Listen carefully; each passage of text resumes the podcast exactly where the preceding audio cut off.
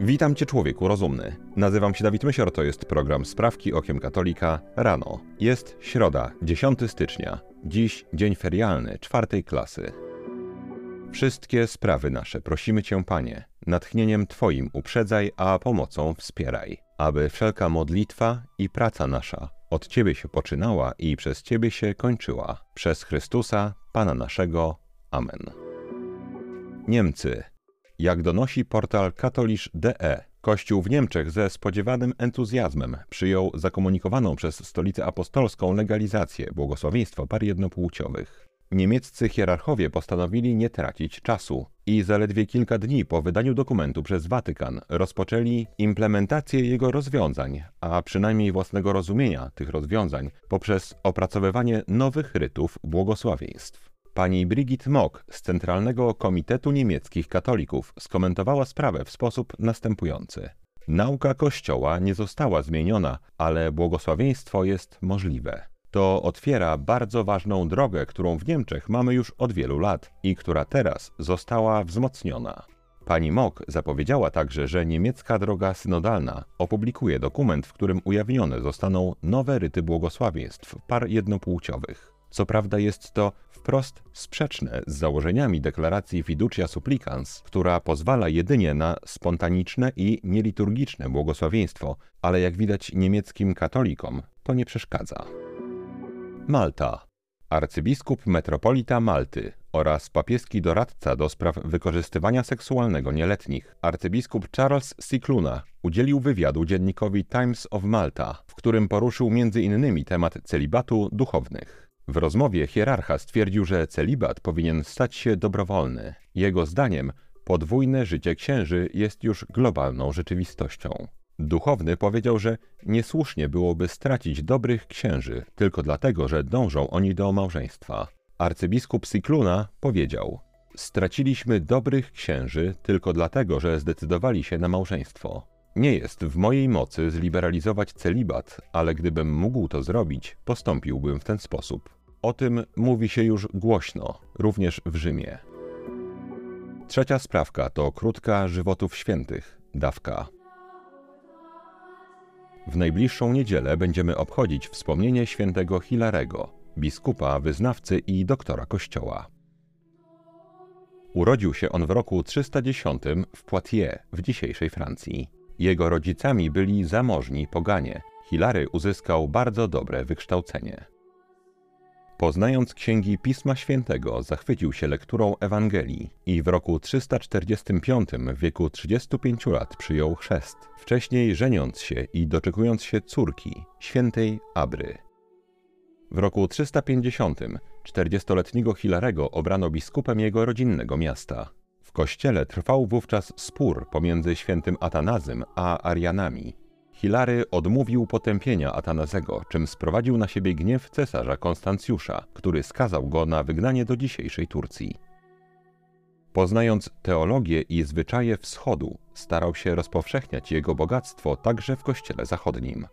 Hilary pisał również wiele listów do kościoła w Galii, by uchronić go przed popadnięciem w herezję. W roku 360 zwołał synod w Paryżu, podczas którego biskupi galijscy przyjęli nicejskie wyznanie wiary. Był także mistrzem świętego Marcina z Tur, którego ochrzcił. Święty Hilary zmarł w roku 367 w wieku 57 lat.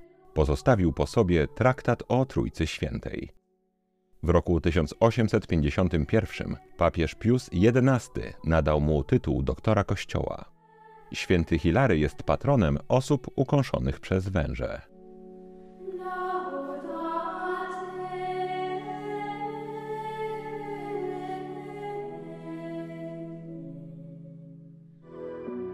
Grecja.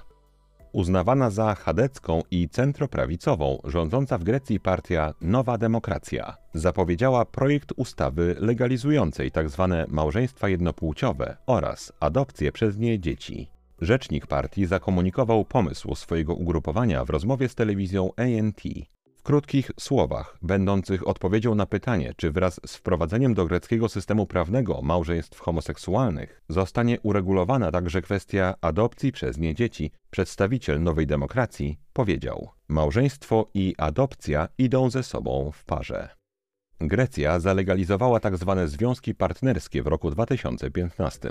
Podczas ubiegłorocznych wyborów parlamentarnych po raz pierwszy pojawiły się oficjalne zapowiedzi legalizacji pseudomałżeństw homoseksualnych, jednak jak dotąd nie było mowy o adopcji przez nie dzieci. Zapowiedzi rządu skrytykowała już grecka cerkiew prawosławna. To była sprawka czwarta, a po niej reklama, uwagi warta. Jeżeli, mój drogi słuchaczu, myślałeś o odpoczynku od cięższych książek i miałbyś ochotę przeczytać coś lżejszego, polecam Ci dzisiaj unikatową i ponadczasową powieść pod tytułem Ku swoim. Jest to książka autorstwa Zofii Kosak, opowiadająca o dramacie Polaków na Kresach Wschodnich, o rewolucji bolszewickiej, o zagładzie ziemiaństwa oraz o niszczeniu na tych ziemiach polskiej kultury. Słuchając krótkiego fragmentu powieści, spróbuj, mój drogi słuchaczu, nie pomylić się i nie pomyśleć, że to opis nadchodzącej teraz do szkół uśmiechniętej Polski. Widzisz, Marychno, ciągnęła. Tu jeszcze może zachować zdrową duszę chłop, analfabeta, który o niczym nie wie poza swoim zagonem. Nigdy ze swojej derewni nie wyjrzy. Ależ twoje dzieci takimi nie będą, choćbyś chciała. A skoro pójdą do szkół, do tych przeklętych sowieckich szkół, to przepadło. Odbiorą im Boga, zdeprawują je, zmarnują, przemyślnie, mądrze, powoli. Ty nie wiesz, ile mają na to sposobów. Ich teatr, kino, pisma, obrazy wszystko działa tylko w jednym kierunku znieprawienia. Jest na przykład jedno pismo, bardzo ozdobne, przez szatańsko zdolnych pracowników redagowane. Wczoraj, przechodząc, zauważyłam na okładce w Kanie Galilejskiej Chrystus Pan i Matka Najświętsza pędzą samogonkę ku zdumieniu i radości zebranych. To ma być cud w Kanie i inne jeszcze, których powtórzyć groza. Wszystko, co święte, co wielkie, co trzeba czcić i miłować, jest konsekwentnie splugawiane, wyszydzane, zatrute, a dzieci muszą to chłonąć w siebie, chcąc czy nie chcąc. Uciekaj, powiadam ci, zabieraj je, póki jeszcze czas. Zofia Kossak ku swoim. Link z możliwością zakupu tej książki będzie pierwszym linkiem w opisie tego odcinka. Włochy i cały świat. Włoskie Stowarzyszenie Obrońców Życia Provita e Familia opublikowało raport dotyczący liczby aborcji na świecie w roku 2023. Zgodnie z danymi w ubiegłym roku na naszym globie dokonano ponad 44,5 miliona morderstw na dzieciach nienarodzonych. Dla porównania w roku 2022 liczba aborcji była niewiele mniejsza i dotyczyła 44,3 milionów dzieci. W Stanach Zjednoczonych liczba aborcji rok do roku nieznacznie spadła, co było spowodowane zniesieniem federalnego prawa do aborcji w roku 2022. Opublikowane przez włoskich obrońców życia dane nie uwzględniają jednak aborcji dokonanych przez matki w swoich domach, a także oczywiście uśmiercenia dzieci w wyniku eksperymentów medycznych, czyli między innymi podczas metody in vitro. Stany Zjednoczone Amerykańska Federacja Boksu Amatorskiego USA Boxing zaktualizowała swój regulamin w zakresie udziału w zawodach i turniejach bokserskich tzw. Tak sportowców transpłciowych. Według nowych przepisów w zawodach kobiecych będą mogli wziąć udział mężczyźni, o ile definiują swą tożsamość płciową jako żeńską. Regulamin wymaga jednak od młodego, ambitnego transpłciowego boksera poświęceń. By rywalizować z kobietami, sportowiec musi przejść operacje zmiany narządów płciowych oraz rygorystyczne testy hormonalne. Amerykańska bokserka pani Mykiela Mayer powiedziała: Terapia hormonalna i tak jest w boksie zakazana. Nowe przepisy powinny więc sprawiać, że i tak uczestnictwo transsportowców jest niemożliwe. Nieważne jak ktoś się z tym czuje, fakt jest taki, że ich udział całkowicie likwiduje równość zawodów. W programach Sprawki Okiem Katolika informowaliśmy już o sytuacjach, w których mężczyźni łamali czaszki albo powodowali wstrząsienia mózgu u kobiet w ringu, ale były to ringi MMA. Najprawdopodobniej możemy spodziewać się, że teraz ten obłęd w Stanach Zjednoczonych przyniesie podobne sytuacje w boksie. Siódma sprawka to krótka katechizmu, dawka. Katechizm według sumy teologicznej świętego Tomasza z Akwinu. Część druga. Człowiek wyszedł od Boga i powinien wrócić do Boga. Rozdział pierwszy. Ujęcie ogólne powrotu człowieka do Boga. Punkt dziewiąty. O darach, które uzupełniają cnoty. Czy wystarczy posiadać te cnoty, o których była mowa, by człowiek mógł przeżyć swoje życie w sposób pozwalający osiągnąć niebo? Nie, gdyż trzeba jeszcze darów Ducha Świętego. Co należy rozumieć przez te dary Ducha Świętego? Należy przez to rozumieć stałe dyspozycje, które znajdują się w człowieku za sprawą Ducha Świętego, a które powodują, że człowiek staje się podatny na wszystkie inspiracje i poruszenia wewnętrzne Ducha Świętego i posłuszny im. Poruszenia te kierują człowieka ku osiągnięciu Boga w niebie. Dlaczego, pomimo istnienia tych wszystkich cnót, o których wcześniej była mowa, potrzebne są dodatkowe dary Ducha Świętego? Dlatego, że człowiek jest powołany do życia jako dziecko Boże, ale nie może w tym życiu osiągnąć doskonałości bez działania Boga, który musi dokończyć to, co człowiek jest w stanie jedynie zacząć swoimi cnotliwymi uczynkami. Dary właśnie przygotowują człowieka do tego działania Boga. Ile jest darów Ducha Świętego? Jest siedem darów Ducha Świętego. Jakie są te dary Ducha Świętego? Są to dary mądrości, rozumu, umiejętności, rady, pobożności, męstwa i bojaźni Bożej. Punkt dziesiąty. O błogosławieństwach i owocach Ducha Świętego, które wynikają z cnót i darów. Gdy człowiek jest przyobleczony w cnoty i dary, to czy posiada wszystko, co jest potrzebne w ramach tego, co zależy od niego, aby móc żyć życiem doskonałym, nakierowanym na zdobycie nieba?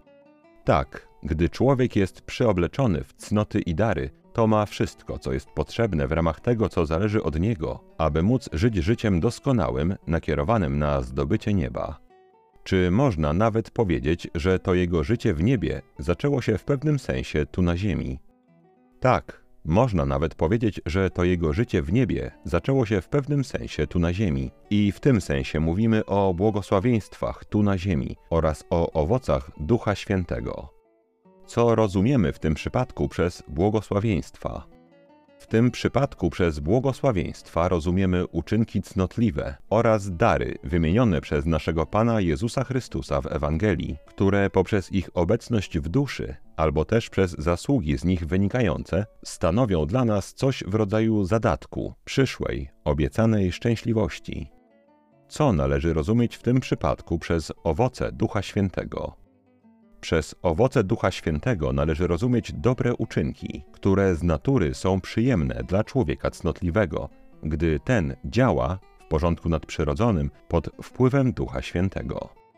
Czy należy odróżniać błogosławieństwa od owoców Ducha Świętego? Jeśli pojęcie owocu wiąże się z tym, co jest dla człowieka najdoskonalsze w sensie absolutnym, to wtedy można owoce utożsamiać z tym najdoskonalszym owocem, czyli z błogosławieństwem w niebie. Owoce mogą też być jednak utożsamiane z błogosławieństwami ziemskimi, ale wtedy owoce będą różniły się od błogosławieństw, w tym sensie, że utożsamiać się je będzie w tym wypadku z błogosławieństwami jedynie ze względu na ich pewną dobroć, a nie z powodu tej doskonałości i wyższości, którymi charakteryzują się błogosławieństwa. Jakie są te błogosławieństwa i przyporządkowane im nagrody? Od odpowiedzi na to pytanie zaczniemy jutro.